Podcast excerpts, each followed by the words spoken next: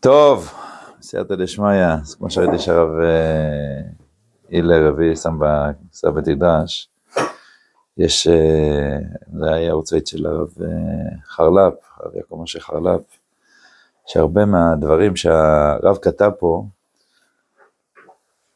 חלק מהם ההתנגדות בתוך העולם, מה שנקרא, של היישוב הישן, העולם החרדי, ששם כאילו דברים שכתב באורות, המלחמה, גם בהמשך על המעלה של ההתעמלות שצעירי ישראל עושים, ואיך זה קשור כאילו הגוף הלאומי להתפתחות של הצמיחה הרוחנית, כל שעל ידי זה שאם uh, עם ישראל בא להגן על הצמיחה הפיזית, הדבר הזה מעלה ומרומם את מדרגות הצדיקים, עד איזה, כאילו יש קשר בין ה...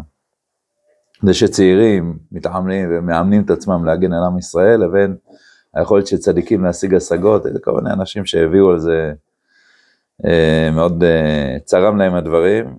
הרב חרל"פ היה בעצם, כאילו בתוך העולם החרדי כביכול, לצד החרדי, והוא הסביר בלשון שלהם, בלשון נקרא לזה הישיבתית יותר, מושגים דברים של הרב קוק, אה, בקיצור. שיהיו הדברים לעילוי נשמתו, הוא בעצם נכווה, הוא נהיה תלמיד של הרב קוק, הוא בעצם אב עלה לארץ סיפרתי לכם. הגיע בכ"ח באייר, יום ירושלים העתידי, יוצאת של שמונה אבי, אז הרב עלה לארץ, הוא הגיע ליפו, שבוע אחרי זה הוא היה שם אה, בשבועות, בבית כנסת של אה, חזקים שם ישיבה ביפו.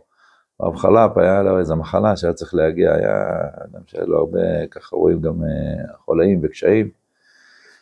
והוא הגיע שם ליפו, ואז הוא הגיע שם, אה, היה שם, ב...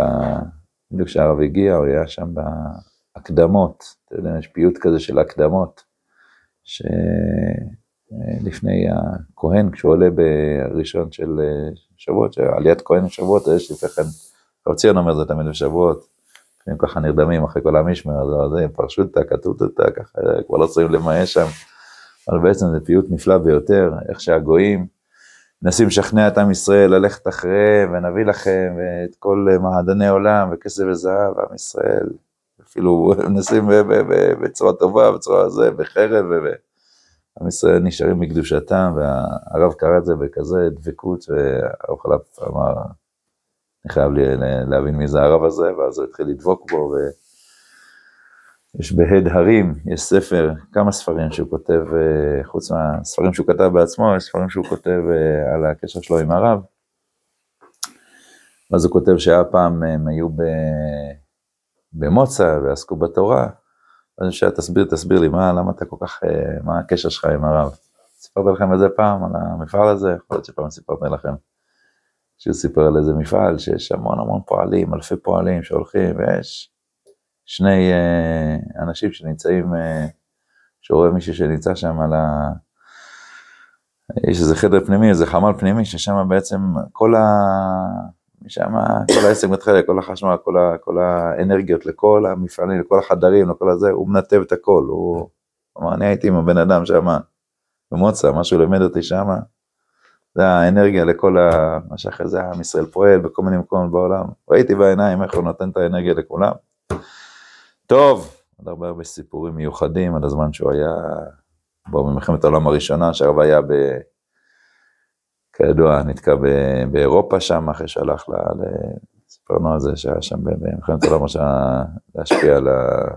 והוא היה שלב ממש, הרב חלף עומד ליד הכותל, היה מצב מאוד קשה בארץ, במלחמת העולם הראשונה, מבחינת הרעב וכל זה, הוא אמר, אני הרגשתי ממש כמו איזה קרן הון של הרב, הוא אמר, נכון, בזמן הזה באמת אני, ושם חשבתי עליך, והיה כמו איזה קשר נשמתי, הוא עמד ליד הכותל המערבי, והוא זה אמר, אתה צודק, היה ממש איזה, כאילו, תיאורים מאוד מיוחדים על הקשר ביניהם, גם האגרות ביניהם, אגרות מאוד מאוד עמוקות, ממש, אגרות ששייכות לעולמות מאוד מאוד פנימיים.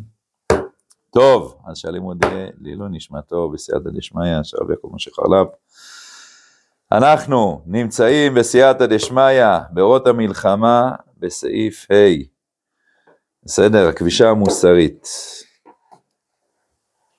הכבישה המוסרית שעל פי התרבות החולונית ששלטה הרבה על העמים, העיקה על ליבם, והרבה מידות רעות, חולאים וקצפונות, נצברו במעמקי נשמותיהם. והם יוצאים מחצובותיהם על ידי המלחמות רבות הדמים וגדולות האכזריות, הנאותה יותר לטבעם הבלתי מזוקק עדיין כעת. טוב, זה מדהים מה שהרב כותב, אחרי זה הרב נאסף למה עוד לפני שהגיעה השואה, אבל אה, כל התנועה הנאצית, כל הזה, היטלר הוא כותב בספר שלו, איך הוא מושפע מעצם מאותה תפיסה, שהיא אומרת בדיוק מה שכתוב אותו, עם ישראל הביא לנו איזה משהו שכובש אותנו מבחינה מוסרית, בעצם הוא היה עוד uh, תלמיד של uh, עוד uh, רשע אחר, קוראים לו ניטשה, שהוא אמר, תראה, אנחנו בעצם, העם הגרמני, אנחנו בעצם חיית פרא. אנחנו בבסיס שלנו, יש לנו איזה פראות שאנחנו צריכים להוציא אותה אל הפועל, וכל הזמן, זה בגלל היהודים, ואחרי זה הפכו אותנו לנסות להיות מתורבתים, ללכת לקונצרטים, לעשות זה, העם הגרמני כביכול היה העם הכי מתורבת. הוא אומר, כולאים לנו את האריה פרא שבנו, את, את, את החיית פרא שבנו בבית כלא, שהכל זה הגיע מהיהודים ששמו אותנו באיזה דרך הנוצרים. הנצרות הביאה לנו את היהדות, ושמו אותנו בבוא תוך בית כלא, אנחנו צריכים לשבור את הבית כלא הזה. יש לה הרבה אמירות, וכל ההיטלר, כל הנאצים הם היו באמת, אנחנו, תלמיד שלו, הוא כתב את הדברים בסגנון שלו, אה, ביומן שלו, שזה לכן צריך אה, להשמיד את היהודים, שהם בעצם הביאו לנו את המוסר כליות, זה דבר שפשוט הורס את האנושות ולא נותן לה להשתחרר מהכבלים שלה. וזה יוצא לפועל, יוצא לפועל בכל השעה, וגם בשיא של זה שעה, אבל רק כותב את זה לפני כן, שהדבר הזה, כבישה מוסרית ששלטה על עמים, העיקה ליבם, וממילא הדבר הזה, כאשר זה נוצר בצורה לא טבעית, העמיסו עליהם כל מיני דברים של אה, הנצרות, ניסתה, כידוע הנצרות התחילה בהתחלה, המינים הראשונים, התלמידים של אותו האיש, בהתחלה היו בעם ישראל, ניסו להשפיע על עם ישראל מבפנים, וכמו שאומר רש"י, אה, מסרטות עם ישראל שלח תלמידי חכמים, אה, שמעון וזה שכביכול השתלבו בתלמידים שלהם, והתפקיד שלהם היה ממש כמו האנשים אה, של המוסד, לבדל את הנצרות מהיהדות. ראינו את זה פעם, זה נמצא בעוז והדר, זה נמצא בהשמטות רש"י, איך שהוא אומר שה... זו הייתה המטרה, תלמידי חכמים שמסרו את עצמם, מסרו את נפשם כפשוטו, מסרו את נפשם, הכוונה מסרו את, לא את גופם, מסרו את נפשם, עשו את עצמם כנוצרים, כתלמידים של אותו האיש, והתפקידים שלהם היה ליצור את הבידול של היהודים מהנצרים, כדי שיהודים בהתחלה התבלבלו, אמרו, אה, כן, יאללה, הוא גם כאילו יהודי ויש לו כל מיני רעיונות מעניינים. הוא אמר בהתחלה שהוא לא בא לשנות שום דבר מהתורה, ואז הם בעצם יצרו את הבידול הזה, שממש כולם יראו שזה משהו אחר לגמרי הנצרות. ואז הנוצרים הלכו לאירופה, הבינו שכבר הם היהודים כאשר זה, וסיפרו להם שבעצם אין יותר עם ישראל, כולנו עם ישראל, וה... כביכול אה, אלוקים חס שלום מאס בישראל, ועכשיו כולנו עם ישראל, והתחילו להשפיע על כל העמים האירופאים, על כל העמים שהיו אז שבטים אלילים פרימיטיביים, בסדר? גרמנים ואחרים היו בעצם שבטים פרימיטיביים, והתחילו להשפיע עליהם כל מיני אמירות מוסריות, עושים להם זה, תיתנו את הלחי השנייה, הם מרביצים לכם, כל מיני דברים. וגם התאימו עצמם לאלילות, כיוון שהם אמרו שהיום החשוב זה יום ראשון, אז זה Sunday, אז נעשה את היום הקדוש ליום הראשון, ועוד כל מיני דברים אחרים שהם בעצם התאימו אצלנו לנצרות, אה, את עצמם, נצרות התאימה את עצמם לאלילות. ולמעשה הם הנחיתו עליהם כל מיני דברים שלא התאימו להם. אז אמרו, טוב אוקיי, זה לא מתאים לכם, בסדר, לא נורא שאתם חוטאים, העיקר תבואו ביום ראשון, תתוודו על החטאים, תגידו שאתם מאמינים באותו האיש ותזכו לחיי העולם הבא, הכל יהיה בסדר. וכל הצורה הזאת היא בעצם יצרה, כמו שאמר אותו אחד, איזה מוסר כליות שהוא לא יודעים איך כאילו, מה לעשות איתו, ובסוף זה יצא גם במסעות הצלב, וגם בסוף בשואה, כן, כידוע, כל הכנסייה, אלא שתיקה, לפעמים שתיקה, לפעמים גם שיתוף פעולה עם הכוחות הנאצים.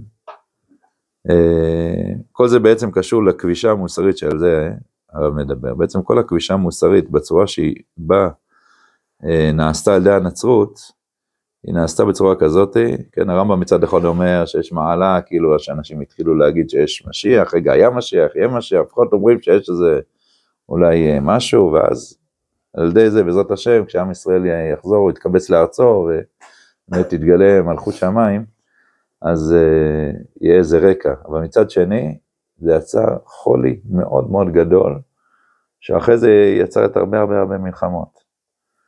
אנחנו אומרים הרי שהמלחמות הם בעצם חושפים משהו מאוד עמוק אצל העם, כמו אצל עם ישראל, נכון? יש כאילו מבט שטחי על עם ישראל, מבט שאנשים הסתכלו על עם ישראל לפני חודשיים, והוא כאילו כל המלחמות וכל הזה. במלחמה תמיד היא חושפת איזה יסודות עומק שיש בתוך העם שנלחם, היא מבררת איזה כוחות חיים בתוכו. דרך אגב, גם כשהלימוד לנשמתו, יש אה, מישהו שאתמול, אה, אני חושב, אה, את ההלוויה שלו קראו לו, דייק שחר פרידמן, ירושלים. אז היה ראיון איתו, שהיו בתחילת המלחמה, הוא כאילו נכנס לזה, משום הצנחנים. והוא סיפר, הוא אמר, תשמעו, אני אחרי יום כיפור, לא יודע, כל המלחמות האלה, אני כבר התייאשתי מהעם הזה. אבל עכשיו כאילו, זה היה ככה כמה ימים אחרי תחילת המלחמה, אני רואה איך כולם כאילו מחבקים, כולם תומכים. הוא אומר, אני רואה דברים שאני פשוט לא מאמין שאני רואה אותם. כאילו האחדות וכל מה שאנחנו מקבלים, גלי האהבה. הוא אומר, אין מדינה כזאת, אין עם כזה בעולם, אני בטוח, לא יכול להיות תופעה כזאת. אז כבר אמר משפט כזה, אמר, על מדינה כזאת אני מוכן למות. מוכן למות למען המדינה הזאת, ככה הוא אמר כאילו מפורש ב... כן, אז שיהיה לימוד לעילוי נשמתו הטהורה בסייעתא דשמיא של אותו אה, שחר פרידמן, השם ייקום דמו. אז מה בעצם המלחמה יוצרת? המלחמה יוצרת שיסודות העומק של עם הם צריכים לצאת אל הפועל, איזה כוחות מאוד מאוד עמוקים של העם צריכים לצאת לפועל, אחרת העם לא יצליח להילחם. העם צריך לשאוב משהו מאוד עמוק מהחיים שלו. עם ישראל שואב כוחות אחדות מאוד גדולים, כוחות של אה, שיבה למסורת, כוחות של שמע ישראל השם אלוקינו השם אחד. משם נובעים כוחות שלו. יש עמים שמה שיוצא לפועל זה הפראיות המוחלטת שלהם. ואומר הרב, צריך לדעת שחלק מהתפרצות הפריות הזאת זה בגלל כבישה מוסרית שמעיקה על ליבם, כן? אומרים לתת הלחי השנייה שירביצו לה, וזה לא מתאים להם, כן? זה לא... אז הם כאילו חיים בשקר. ובסוף יוצאים מחרצובותיהם, הכוונה מהמאסרים שלהם, מהזיקים שלהם, על ידי מלחמות רבות הדמים, כן, כל מסעות הצלב, כל ההרג של המיליונים, עד מלחמות העולם האחרונות. נאותה יותר לטבעם בלתי מזוקק עדיין כעת. עכשיו השאלה, איפה התפקיד של עם ישראל בתוך כל הסיפור הזה, כן? כי הסיבה שהנצרות ככה כביכול לקחה צינור מעוות מעם ישראל והביאה את זה לעמים, זה בגלל שעם ישראל היה כבר במצב של גלות, כן, סוף הבית שני, זה כבר למעשה היה ממש מבחינת העוצמה האמיתית, עם ישראל כבר לא גילה את עוצמתו. כשעם ישראל חי בצורה השלמה שלו, אז זה לא איזה אמירות מוסריות שבאות מחוץ לחיים ובאות אה, להשתלט עליהם מבחוץ. כשעם ישראל באמת חי את האידיאל האמיתי שלו, להקים ממלכת כהנים וגוי קדוש, אז המטרה היא לא לעשות כל מיני נושאים טובים, כדי זה אתה, לא יודע, תזכה לעולם הבא כזה, הנשמה שלך תהנה בעולם הבא, משהו כזה. אלא כל מעשה של אדם מישראל, הוא מוסיף כוחות חיים, לכלל הוא מוסיף כוחות חיים, כשעם ישראל מתקבץ, כמו שעכשיו חוזרים לארץ, אז כל היראת שמיים היא לא יראת שמיים של אה, בוא נעשה מעשים טובים כדי שאחרי זה נקבל איזה עולם הבא פרטי. אלא כל אחד נותן משלו, כמו במלחמה, כל אחד נותן משלו לתקומה של עם ישראל. עולם הבא הולך להתגלות בסייעתא דשמיא בתוך העולם הזה, בתוך החיים של עם ישראל. הבניין שממלכת כהנים וגוי קדוש, הוא-הוא המציאות של העולם הבא שהולך להתגלות. זאת אומרת, כל אחד נותן משלו משהו כדי שהבניין הכללי של עם ישראל ילך ויתעצם, בסדר? זה ההבדל הגדול בין יראת שמיים הגלותית, קשור מאוד מאוד לנכונות גם להילחם, זה קשור להבדלים גם היום בין העולם החרדי, בעולם של תורת ארץ ישראל. אם אתה מוכן לתת משהו משלך לבניין הכללי של עם ישראל, עוד פעם, יש אה, הרבה הרבה דברים טובים שקורים בעולם החרדי גם היום, אבל האם החשבון שלך הוא כל הזמן חשבון פרטי, מה אני ארוויח מזה, מה אני אעשה מזה, או שיש לך גם חשבון כללי, מה אתה נותן משלך לתקומה של עם ישראל? שאלה מאוד מאוד מאוד חשובה, ועוד פעם, לא באתי חס שלום לקטרג, יש שם המון דברים נפלאים, גם בעולם החרדי, גם הוא כבר הופך להיות חלק מתורת ארץ ישראל, בהרבה הרבה מובנים של קשר לכלל ישראל והרבה הרבה דברים טובים שקורים. אבל למעשה הדבר הזה הוא קשור לפה, כי אם אתה בעצם אומר שירת שמיים באה להצמיח את החיים, כן? לא לעשות לחיים איזה כל מיני, לעשות כל מיני, לשלם איזה ביטוח כדי לקרב פעם אחרי המוות עולם הבא, אלא המטרה היא בעצם להצמיח את החיים, לבנות פה ממלכת כהנים וגוי קדוש, אז ממילא אתה עובד אחרת, זה לא כבישה מוסרית שהיא מחוץ לחיים, אלא הצמחת החיים שלך, כן? כל דבר של, אה, ששוקר בחיים הוא חלק מיראת שמיים שלך. כמו שאומר החתם סופר על אה, בועז, כן, שהוא בא לשם, זורע את הגורן שם. אומר, מה זאת אומרת?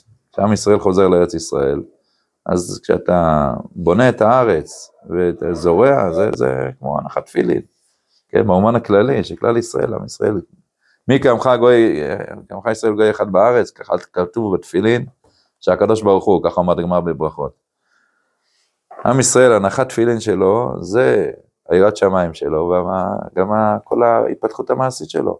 זה הכל קשור לבניין מלאכת כהנים וגוי קדוש. לכן אני אומר לך, אתה מספר, כשבחוץ לארץ בונים בתים, סוללים כבישים, זה קשור, זה מנותק לגמרי מהיראת שמיים. זה קשור להרחבת הטומאה של ארץ העמים. אבל בארץ ישראל שסוללים כבישים, בארץ כשנלחמים, כשמפתחים אפילו את הכלכלה, הכל זה בניין של מלאכת כהנים וגוי קדוש. לכן אה, בועז הולך וזורע את הגורן, ככה הוא מסביר שמה. אז האמונה הישראלית האמיתית, צורת האמונה האמיתית, היא לא משהו שבא לכבוש את החיים ולהעיק, אה, כן, כמו שאומר, חולאים וקצפונות, שבאים כאילו ל... אה, על החיים איזה עול חיצוני.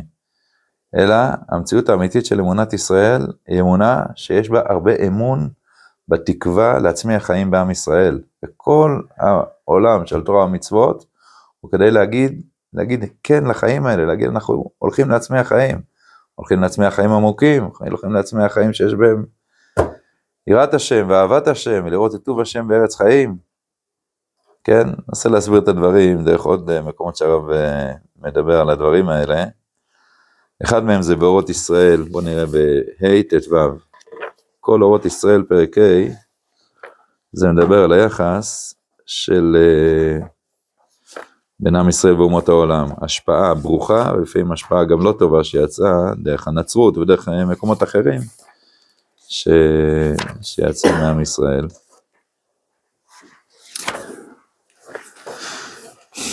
כן, עמוד קנ"ז, פרק ה' סעיף ט"ו. עד תור הגאולה העתידה, בסדר? כאילו, הכוונה בעצם מזמן הגלות, השפענו על העולם, הכוונה דרך הנצרות, דרך כל מיני צינורות מקולקלים, רק לימודי חובות, מוסר וצדק היוצא מדעת אלוקים אמת. וחובות אין העולם חפץ לקבל. והוא מקבל, נשאר בלב טינה על המעורר הראשי לידיעת החובה.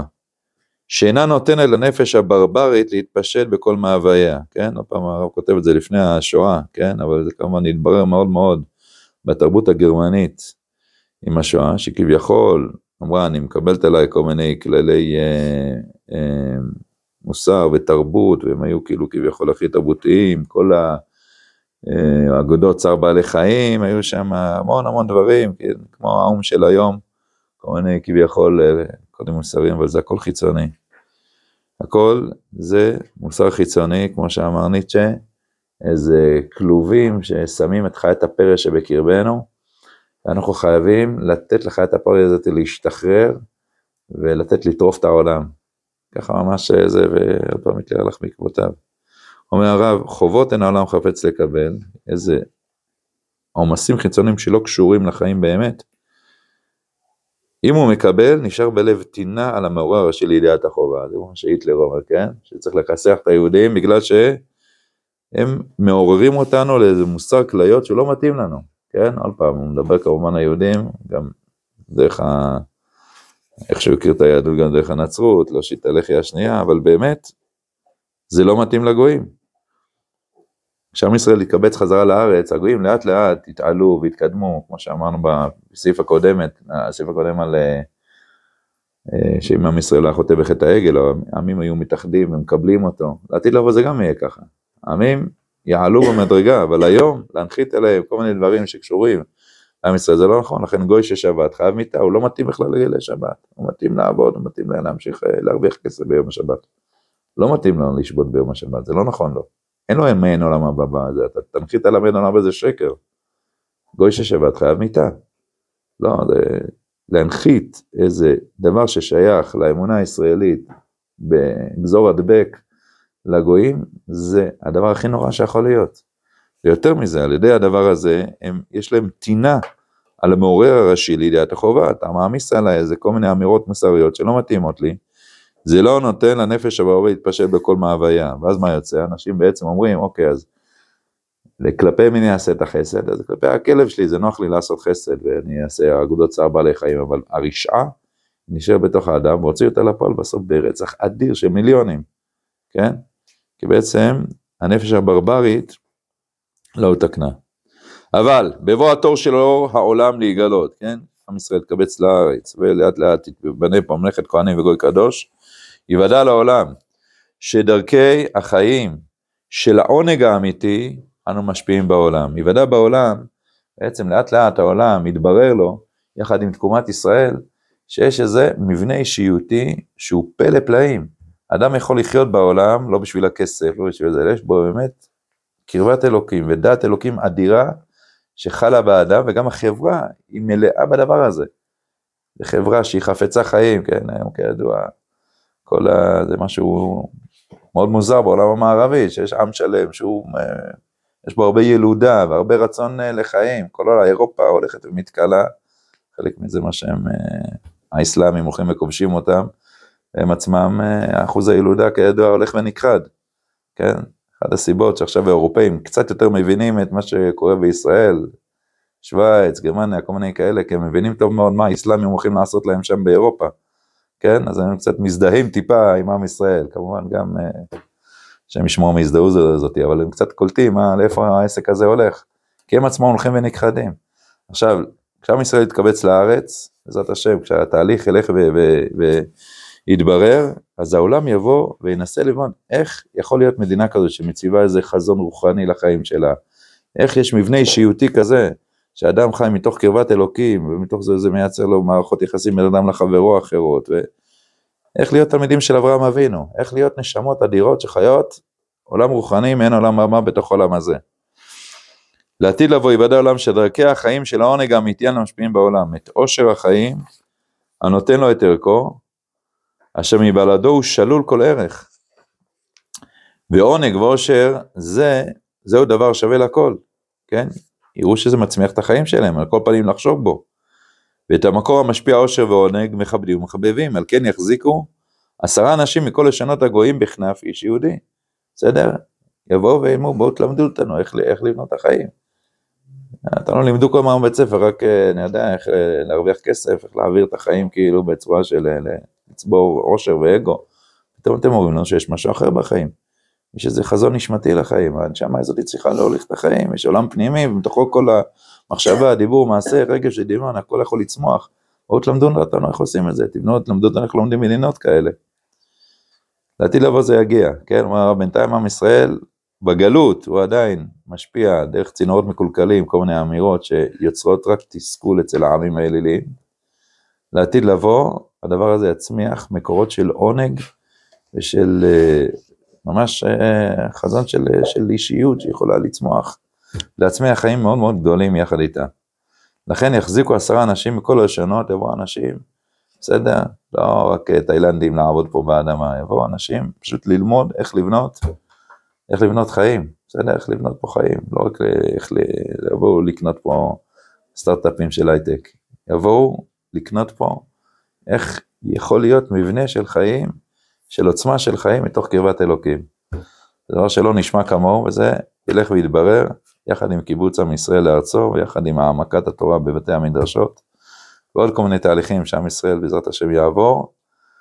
הדברים האלה ילכו ויתבגרו, בסדר? זה, ככה צריך להיות. זה הדרך הנכונה של עם ישראל, זה הדרך הנכונה של עם ישראל בעצם, הוא בונה בעצמו את מעין עולם הבא בתוך עולם הזה.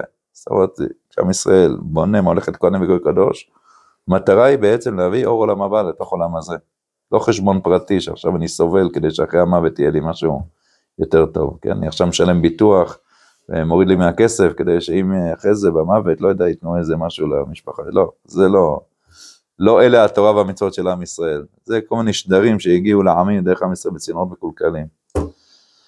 טוב, בסדר. נראה עוד משהו שמאוד קשור לדבר הזה. מתלבט אם קודם מהלך האידאות, זה קשור, טוב בואו נראה את הדברים פה שצילנו מאורות הקודש, זה קשור לאותו עניין, אחרי זה נראה אם נספיק גם, בתוך מהלך האידאות יש דברים שקשורים לנושא הזה בדיוק.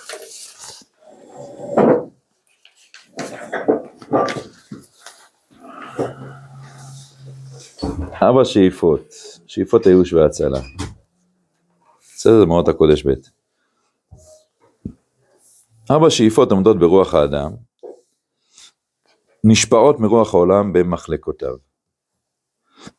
האחת, שאיפת הרע הגמורה, חפץ השלטתו בכל ערכי החיים והעולם. מזה יצאה תקופה אלילית, והיא פועלת בעומק זוהמתה, גם עד כה, בכל ענפיה. מה הכוונה? כל האלילות, עניינה זה לתת פורקן, בעצם אתה מרגיש שזה, יש איזה יצר שבוער בך, זה יכול להיות יצר של זנות, זה יכול להיות יצר של בעל פאור, זה יכול להיות גם יצר אחר, כן? זה יכול להיות אליל של זהב, תלך ותיתן לזה פורקן עד הסוף. אם יש לך איזה יצר של רצח, לך על זה עד הסוף, תרצח את הילדים שלך, תשליך אותם לאש. עוד כל מיני דברים, כאילו תיתן פורקן עד הסוף ליצרים הכי זה שלך, וזה האליל שלך. תעבוד את האליל הזה. תהיה מסור אליו, בקיצור, או שאתה מרגיש, נכון, דיברנו פעם אולי על התמוז, אתה מרגיש שהרגש הדיכאון, זה הרגש העוצמתי בך, כשאתה נכנס לדיכאון, זה...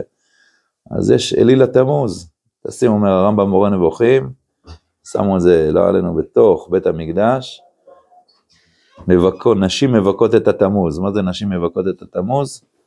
היו עומדות, זה אליל שבזווית של השמש, בשקיעה, משהו כזה, המבנה של הפרצוף שזה היה נראה כאילו שהאליל בוכה. ואז כולם בזמן הזה כאילו השתחוו לו ובכו יחד איתו, וזה עשה להם וואו, איזה רגש מאוד מאוד מיוחד. זה היה עבודת אלילים שלהם. אתה תיקח לך איזה רגש שהוא מאוד עוצמתי, ותן לו פורקן עד הסוף. תשחרר איתך את הפרש שלך, כמו שאמרנו, עד הסוף, אל תיתן לה שום מעצור. אם זה יהיה רצח, שיהיה רצח, יהיה זנות, שיהיה זנות. מה שאתה רוצה, בסדר? זה האלילות. שאיפת הרע הגמורה, כן, זאת אומרת אין נשמה, כמו שאמרנו פעם. ההבדל בין אלילות לבין אמונת ישראל זה לא אם יש הרבה אלילים בשמיים, אלא האם יש נשמה אחת בליבו של האדם. אם נשמה אחת שהיא בעצם מחיה ויכולה לרומם את כל כוחות החיים של האדם. את הרגשות שלו, את הדמיונות שלו, את הרצונות שלו, שאיפות החיים שלו. זו השאלה היסודית. וממילא האלילות אומרת לא, יש המון אלילים, לא בשמיים, בתוך הבן אדם יש הרבה אלילים, תבחר לך את האליל שלך, ותתמכר אליו עד הסוף. מזה יצאה תקופה אלילית והיא פועלת בעומק זוהמתה, גם עד כה בכל ענפיה.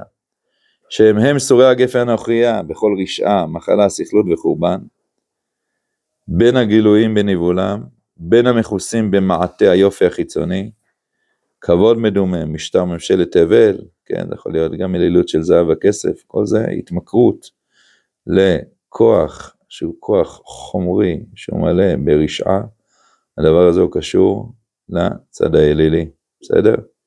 זה הרשעה המוחלטת. שאיפה השנייה היא הכרת הרע מרשעתו, יש הרבה להרחיב גם על אלילות, אה, הוא כותב על זה בכמה מקומות, אבל לא, אנחנו ננסה להגדיר יותר פה את זה בצורה מתומצתת. שאיפה השנייה היא הכרת הרע ברשעתו, מתוך כך הכרזת הייאוש המוחלט של כל היש. שאיפת ההצלה בכיליון מוחלט וכונניות חיים למטרה זו.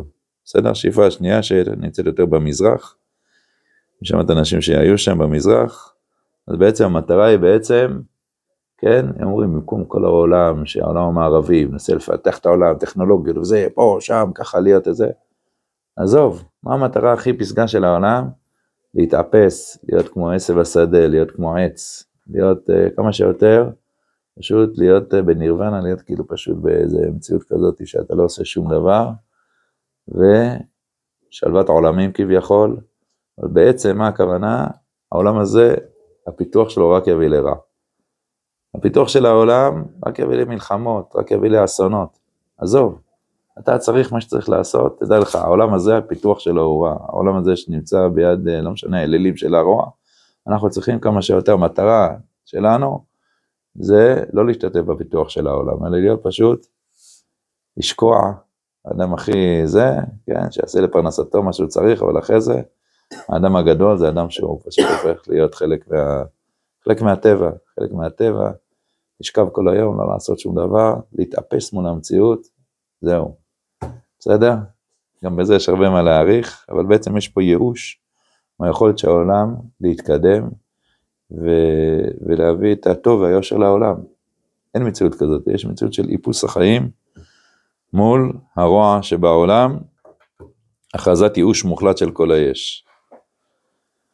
שאיפה השלישית, ייאוש למחצה, כלומר, להתייאש מהרישה בעצמה, מהרע או שליטתו בעצמו, למסור בידו את החומר ואת העולם החברותי הנגרר הרבה אחרי מראה עיניים, ולהציל מתוך ייאוש זה את הפנימיות של החיים, שזהו צד הטוב שלהם. זאת אומרת, יש לעולם הזה באמת שני צדדים, יש את העולם החברתי, פוליטי, את כל המלכות, ויש את ההנשמה של האדם. אז האדם מה צריך לעשות? כן, אצל הנצרות זה מאוד נוכח, כמובן נדבר פה על הנצרות, ש... מה שאומרת, תן אל הקיסר את אשר אל הקיסר, ולקום אשר לקום, כאילו יש פה הפרדת רשויות גמורה, כן? כמו שהם רוצים להפריד הפרדת הדת מהמדינה, מה זה דת? דת זה משהו אה, אישי של האדם, שאדם בעצם חי כאילו חיים רוחניים, אדם יכול כאילו כמה שיותר, אה, תעשה מה שאתה רוצה, תעשה, כן?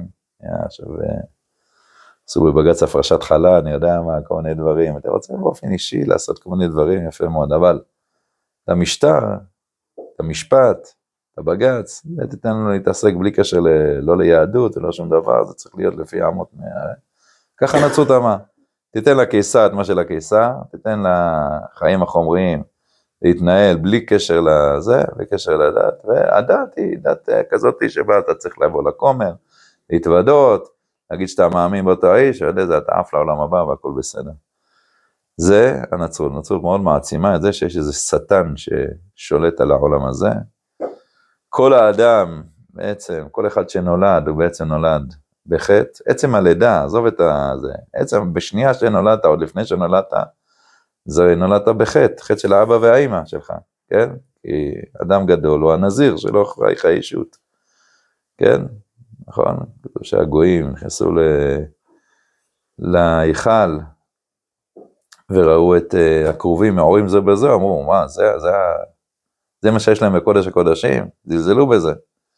אנחנו יודעים שזה בדיוק הפוך, כן? הקשר הנכון, בניין השכינה ביניהם, שבונה את הבית, זה השראת שכינה, על ידי הקשר בין איש לאישה. זה יוצא דבר כזה, שאצל הנצרות כל אחד שנולד צריך לטבול אותו מהחטא של אבא ואימא שלו. לטבול הוא כאילו שייך המציאות הפשוטה היא שהעולם הזה שייך לשטן, העולם הזה שייך פשוט לחיי רשעה, חיי רוע. הנזיר בכלל שלא יתחתן עם אף אחד, אבל מי שלא הצליח להיות נזיר, לפחות אה, נטבול את הילד שלו. כי העולם הזה בעצם עולם שהוא שייך לחטא הקדמון, זה קשור להרבה הרבה דברים נוצריים שאנחנו רואים עד היום, כידוע הנצרות אה, היא מאוד אה, מזוהה עם האיסורים בעולם. זה קשור לכל מה שהעולם המערבי, הוא כאילו ברגע שיש מישהו שאומר שהוא הקורבן, אז הוא בטח האדם הכי גדול, כן? למה? כי אותו האיש הוא בעצם, ה, ה, הוא מראה בעצם החיים שלו, איך האיסורים שהוא עבר, כן, שהם כל מיני דרך האיסורים, וזה לא זה, האיסורים, מי שעובר איסורים הוא הבן אדם הכי גדול שיש בעולם. אותו איש, מה שהוא עבר, זה שהוא עבר איסורים ומת, הוא בעצם ממצה את מה שהאדם צריך לעשות בעולם. האדם צריך להתייסר בעולם הזה, כי העולם הזה לא מתאים לנשמות גדולות, ואז מי שמתייסר הוא הכי גדול, לכן הנזירות הולכות תמיד לעזור לאלה שמתייסרים. מי שמתייסרים זה אומר שם הזה, מי שקורבן הוא האדם הכי גדול. לכן העולם המערבי, עד היום, כולל הפלסטינים ועזה, ברגע שיש מישהו שמציג את עצמו אותו קורבן, חייבים להיות לצידו, זה ברור. כאילו, ברגע שאתה מפעיל כוח מול מישהו שהוא קורבן, לא משנה שאותו קורבן הוא בעצם הנציח הכי גדול וזה. עכשיו ברגע שהוא קורבן הוא, הוא, הוא המנצח, הוא הכי גדול, הוא הכי נפלא, הוא, הוא, הוא, הוא כמו אותו האיש. חייבים להיות בעדו. זה משהו שמוטבע בנצרות. מכל מקום, אומר הרב, השאיפה השלישית היא ייאוש למחצה. זאת אומרת, העולם הזה הוא עולם של רשע, ומי שמתייסר בעולם הזה הוא האדם האמיתי, האדם שהוא באמת האדם הגדול. ומה שצריך לעשות בעולם הזה זה איכשהו לעבור אותו ולהציל את הנשמה. כי את החיים החברתיים, להקים אומה עם משפט שהולך לפי דרך היושר והצדק אין סיכוי, כן? הנצרות כופרת במשפט, הנצרות אומרת שלא צריך בכלל לשים אנשים בבית כלא, רק אה, לאהוב את נשמתם ולהוציא אותם בבית כלא. והדבר הזה, הוא יוצר בעצם מציאות שהיא אומרת, עזוב, תן לקיסר להתנהל לפי הקיסר, הוא בכל מקרה שייך לשטן, ואתה תנהל את עצמך לפי הנשמה שלך, העולם הפנימי תציל אותו, ואת העולם החיצוני אין מה לעשות איתו, ואם אתה נגררת אחרי השטן, תבוא תתוודה ותתאר את הנשמה שלך, ככה תגיע לעולם הבא. זה השאיפה השלישית, ייאוש למחצה. בסדר? היה לנו אלילות, היה לנו את מה שנקרא הבודאיות, כן, הצד של המזרח, ואת הייאוש למחצה של הנצרות. השאיפה הרביעית, היא עומדת להציל את הכל. פה מגיעים לאמונת ישראל. מבלי להשאיר גם צרור, לחשוב מחשבות לבל יידח ממנו יידח, להציל את הגוף כמו הנשמה, את חיצוניות ההוויה כמו פנימיותה. את הרע בעצמו כמו את הטוב. כן, הנה טוב מאוד זה עץ הרע, אומר המידע, שלא עוד אלא להפך את הרע לטוב גמור, ולהעלות את העולם ולא בכל צדיו ותכסיסיו, את העולם היחידי בכל הרב החומריים, ואת העולם החברותי בכל סדריו, להעמיד את הכל על בסיס הטוב. זאת אומרת, אמונת ישראל, כמו שהרב אמר באות ישראל, כן? בצורה מקולקלת, שבה היא שודרה לכל העמים האלילים באירופה, זה היה כל מיני אמירות מוסריות מבחוץ, שהעיקו על נשמתם, ובעצם חיית הפרא הלכה והתפרצה. זה בעצם כל המלחמות של הגרמנים וכל מלחמות העולם היו חלק מהדבר הזה. אבל, כי כמו שאמרנו, המלחמה חושפת את עומק מה שטבוע בך. אצל הגרמנים, אצל הערבים, את הברבריות זה חושף. אצל עם ישראל זה חושף את האחדות שלו, את הקדושה שלו. מלחמה כאילו אין לה זיופים, היא בעצם יוצרת ברוח הלאומית, אתה חייב לשאוב כוחות מהמקום הכי עמוק שלך. משם אתה שואב את הכוחות. אומר הרב, עם ישראל, כשהוא יגיע באמת למצב שיקבצו נתחי ישראל ואור התורה הפנימית יתגלה, יהיה באמת לעיני כל אפס הארץ, יהיה, אפשר, יהיה חזון כזה, שיש מדינה שהיא מלאכת כהני וגוי קדוש, היא בעצם על פי היושר ועל פי העולם של, ה, של, ה, של הטוב המוחלט, לפי זה היא, מערכות הכלכלה והמשפט והביטחון שלה, הכל כדי להציל את העולם כולו, לבל יידח ממנו נידח. אנחנו לא משאירים את העולם של הקיסר של הקיסר. כן? דוד המלך, הוא מתייעץ עם הסנהדרין, איך ללחום את מלחמותיו, ואיך לנהל את הכלכלה שלו, הכל לפי עיני העדה, הכל לפי השראת שכינה של בית המקדש. נכון? שלמה המלך, המדרגות שבונות את ה... מהבית המלך, מהארמון שלו לבית המקדש, זה עיקר עניינו, מלכת שבא הבאה, ולא נותרת ברוח כשהוא רואה את הדבר הזה. עם ישראל עומד להציל את כל המציאות, חיצוניות ההוויה כמו פנימיותה. כולל את כל היצרים התחתונים. להביא את כל היצירי, את כל, כל, כל היצר, כל העולם התחתון, למקום המכוון שלו, למקום שבו הוא בונה חיים. להעמיד הכל הבסיס הטוב. זוהי שאיפת ישראל המבוטאת במעמקי תורה, ביסוד האמונה, בהליכות החיים. בכל מלחמותיו המעשיים והרוחניים, בכל תקוותיו, מרבה עם ישראל שלום אין קץ על כיסא דוד וממלכתו. להכין אותה, או לסעדה במשפט ובצדקה. קנאת השם צבקות תעשה זאת, וקנאת השם מרוח החיה בגבורת ישראל. כן, בעומק הדבר זה מה שהם מפעם ברוח הלוחמים שמביאים את גבורת ישראל לפועל. הרצון העמוק שלא להניח לרשעה האנושית ולא לרשעה העולמית אפילו כמלוא הנימה. כן, המלחמה עכשיו נגד החמאסניקים, זה כאשר הרשעה העולמית רואים אותה כאילו בשיא הברבריות שלה, אבל בעצם גבורת ישראל היא מחאה כנגד כל הרשעה העולמית, כל הרשעה האירופאית. והאלילים כליל יחלוף ונשגב השם לבדו ביום ההוא, ישמחו השמיים ודגל הארץ ואומרו וגויים השם הלך. ומובן הדבר, שבין הייאוש הגמור של הבודהיסמוס, זה השאיפה השנייה שדיבר עליה לפני כן, כן? בודהיסמוס, כן, לצערנו, בשמחת תורה הביאו את זה, לצערנו הגדול, הגדול, הגדול, לארץ, את הרשעה הזאת של העבודה זרה, שהתורה אומרת שהדבר הזה הוא מטמא את הארץ. ובין הייאוש למחצה של הנוצריות, בסדר? זה למחרת שמחת תורה, זה כל מיני דברים של נוצרים, של אדום, של האמריקה, שחושבים שיכולים לחנך אותנו איך לתקן את העולם, הם משמשים באיזה אופן את הרשעה העולמית. ברצותה על כל פנים להמשיך אליה את כל אשר תוכל, לפחות להודות במשיעותה וניצחונה כשהיא לעצמה ומילא התבצרת. זאת אומרת גם השאיפה, ודאי השאיפה הראשונה מה לדבר, גם השאיפה השנייה והשלישית בעצם מורים שיש מקום לרשעה שהיא בעצם אין מה לעשות, אי אפשר להילחם מולה. ובאו ישראל להסיר, להסיר את כל החושך ולהעביר מן הארץ כל ענן מקדיר, להסיר את פני העלות על כל העמים והמסכה הנסוכה על כל הגויים.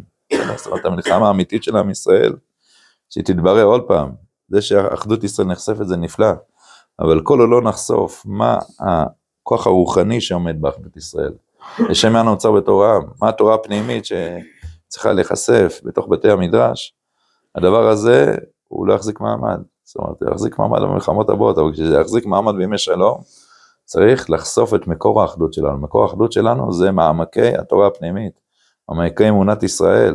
הדברים האלה הם אלה שבעצם נותנים כוח לכל הגבורה של עם ישראל לצאת אל הפועל. זה דבר מאוד מאוד יסודי, דבר מאוד מאוד חשוב. לשם אנחנו צועדים. טוב, נשארנו רק קצת זמן להסתכל פה, בואו נראה במהלך האידאות שזה קשור גם לאותו עניין, בסדר? מאיפה יצאנו, רק נזכיר, יצאנו בעצם מה שהמלחמה אמרנו, שהיא חושפת את כוחות החיים העמוקים של כל העם, וממילא אצל הגויים זה חושף את הכוחות הברברים שכאשר מנפצים את הכלוב החיצוני של התרבות המאוסה שמעיקה עליהם, כמו שאמר היטלר, יימח שמו, אז הדבר הזה הוא בעצם יוצר, את ה... משם המלחמה יוצאת. למהלך האידאות בישראל עמוד קי"ג, לא יודע איך זה אצלכם, זה אותם עמודים או לא אותם עמודים, זה בעצם נמצא בתוך, אה, בתוך פרק ה', אבל זה פרק מאוד ארוך. אה, אני לא יודע כמה נספיק, ננסה להתחיל. הנועם האלוקים מתלווה עם כל לגימה לגימה של החיים, יש לכם את זה? עמוד קי"ג, בדפוסים הישנים, זה עמוד קי"ג, שורה שלישית מלמעלה. מה? קמ, טוב. כן, בדפוסים הישנים זה קי"ג למעלה, שורה שלישית. הנועם אלוקי הזה מתלווה עם כל לגימה לגימה של החיים. נראה את זה בהתחלה ככה בגרסה, אחרי זה ננסה להסביר. הוא מכשיר להביט על החיים ועל המציאות בעין יפה. כן, המבט שלו על החיים, זה לא חיים שכאילו צריכים אה, לעם ישראל הם איזה משהו מבחוץ. אלא החיים הם חיים יפים. החיים זה חיים שמלאים בטוב השם. אפשר לראות בחיים המון חסד השם. הוא רואה את החיים והמציאות בעין יפה ושמחת צדיקים להכיר כי כל אשר עשה אלוקים הוא טוב מאוד, זה היסוד. כן, האדם יש לו נשמה אלוקית, יש בעולם הזה מלא מלא טוב, מלא מלא אור השם. כל הברכות שאנחנו מברכים על הטוב האמיתי ועל זה, זה בא כדי שאנחנו נתרגל לראות את המציאות, אם אנחנו לא זורקים את המילים מהפה סתם, לראות את טוב השם בארץ חיים. זה היסוד של אמונת ישראל. לעומת זה עולם האלילי שאין לו נועם אלוקים חיים זה, שמקור הוראה של הידי אלוקית אלוהינה בטבע היצירה של ישראל, כן? זאת אומרת, עם ישראל נמצא בטבע יצירתה מאברהם אבינו, שהוא ככה חי את החיים. שם זה מוטבע בנו. העולם האלילי אינו יכול להתיישב במנוחת החיים ושמחתם, אינו הרע המוצאת מקום מבטה רק מאירה, ומעלתו זעף וחמאה אכזרה לעצמו, על הווייתו, על הכל, והוא מוצא את עצמו מנוגד מעצמו אל עצמו. אז רואהו בגבור עליו במחרוב את הצלתו לחיי השעה, עד אשר יעבור מן הארץ, רק באותו סגנון של חיים שאין ברוחו פנימה שום ניגוד ומעצור לכל התכונות הברבריות, בסדר העולם האלילי. לא, הוא באידיאל אומר, לא צריך לתקן את העולם הברברי שבי, אני צריך להתמכר עד הסוף, לרצח, ל, ל, ל, ל, זה יכול להיות גם לאונס, זה יכול להיות לזנות, זה יכול להיות לכל דבר. זה העולם האלילי, והוא בעצם אה, הולך עם זה עד הסוף. אבל אי אפשר לכלוא את הרוח לגמרי. כן, מצד שני, האדם מצד, הוא מרגיש שהוא לא יכול לחיות ככה, אדם שקצת יותר מפותח תרבותי. והאופי הרוחני של אדם מוסרה פנימית תובעים את עלבונם בתרמורת נוראה, שאין נענות אמת נוחה לאנושו. בייחוד אשר יתבקר קצת ההשקפה העולמית הכללית, המבקר את החיים משני צדיהם, זאת אומרת, אדם רואה שהעולם הזה הוא לא רק עולם מצרי, יש בעולם גם איזה צד רוחני, איך מכלכלים את שני הדברים האלה, בתוכם מברם, כן, גם מבפנים וגם בחוץ. לפיכך, פתרון שני שראינו שם בעוד הקודש, רבה להיות אל מחברה בודאיות, כן? בודה, זאת אומרת, המציאות של המזרח, שהיא מוצאת במגמתה במנוחת, באפיסה, באבדון המוחלט, להתאפס מול הטבע. כוס הקצף על החיים מרועותם, שהם תמצית המורגש של כלל המציאות, עולה כל גדותיו, וכל כלי השכל והרגש, אמונה והדמיון מתמלאים בשאיפה אחת של חפץ החפצים, להיכחד ולהימחות באין שריד וזכר, כמה שיותר. לא תפעל בעולם, כמה שיותר תיכנס לנירוונה, תיכנס, תיכנס להתאפסות מול החיים, תהיה פשוט אה, ממש כמו עץ, תהיה כמו איזה משהו שהוא אין לו חיים, ככה אתה כאילו תתייאש מכל ההתקדמות של העולם ותהיה פשוט שמה. זהו, זה יביא לך שלווה, אחרת לעולם לא תגיע לשלווה.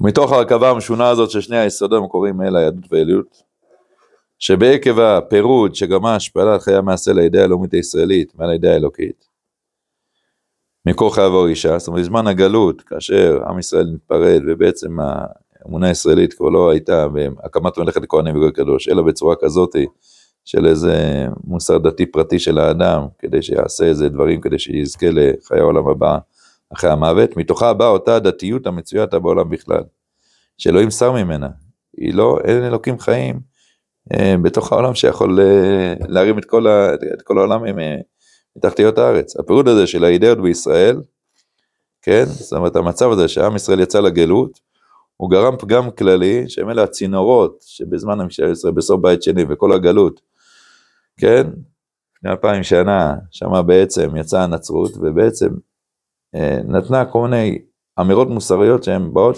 לחנך את האדם הפרטי בצורה שלא מתאימה לו, כמו שאמרנו, ואלוקים שר ממנה. הפירוט הזה של הידיעות בישראל גם גר לי, שעד שגם כעת לא תוכל עדיין האנושות המפותחת הרבה לקרוא בשם מלא את הרעיון האלוקי, כדי להשפיע ממנו להרעיון החברתי בסגנון הלאומי, כן? אין מצב שזה, היראת שמיים תהיה קשורה לבניית חיים ממש, של חיים שלמים, להקים חברה שלמה, להקים לאום שלם לפי כוח הלאומי, אלא צריך להפריד את הדת מהמדינה, צריך מה שלקיסר לקיסר, מה שלכומר לכומר. כפי עצם טבע המחשבה ובמקטור אצילותה, אז החל האנושיות להיות צלעת הדרכה בשקר שאין לו רגליים, במוסד של מוסר רוחני היונק משפע האידאה הדתית, כן, מוסר כאילו שנובע רק מאיזה דת במובן החיצוני שלה, שלא רק שאין האידאה הלאומית מתגלה בקרבו, כן, אין כוח של חיים של טוב השם שמתגלה בתוך אה, רצון לבנות אה, חיים לאומיים, חיים חברתיים, חיים מלאים באור השם, כי מנגדתה. השפעה דתית ולאומית נעשו בסוף הכרח כמו צרות זה לזו. טוב, זה עוד ממשיך פה, אבל אה, אנחנו כבר לא נוכל להמשיך הלאה, אבל בכל אופן זה, ה... זה הצד שבעצם גורם לעמים, בסדר? עוד פעם עברנו פה על שלוש מציאות, האליליות, הבודהיות המזרחית והנצרות, שבעצם כולם נותנים מקום לרשעה הברברית, כל אחד בסגנון אחר, להישאר ולא להילחם נגדם. לא להעלות אותם, לא לראות את טוב השם בארץ חיים בתוך המציאות עצמה שלה, יש לזה כל מיני צדדים מסורים חיצוניים, כמו שאמר ניטשה, הרשע, שאיזה משהו שמבחוץ מעיק על החיים, אנחנו צריכים, זה מה שיוצא במלחמות, במלחמות כבר שוברים את כל. התרבות החיצונית, ועומק החיים יוצא לפועל. אצל עם ישראל, עומק החיים, זה עומק האחדות שלו, עומק הקדושה שלו, עומק תקוות הגאולה שלו, כמו שאמר פרידמן השם יקום דמו. למדינה הזאת אני מוכן לעמוד, מוכן בשביל האידאה הזאת, כן? בשביל כוח חיים כזה עוצמתי, מוכן למסור את החיים שלי. אצל האומות האחרות זה עולם הברברי יוצא לפועל במלחמות. בסדר? צריך לדעת שזה נובע בדיוק מהמציאות הזאת של תרבות חיצונית, של איזה אמירות מסורות חיצוניות שבזמן המלחמה הכל נשבר. טוב, בסייעתא דשמיא, אנחנו עוד נמשיך בעזרת השם. בשורות טובות, ברכה והצלחה.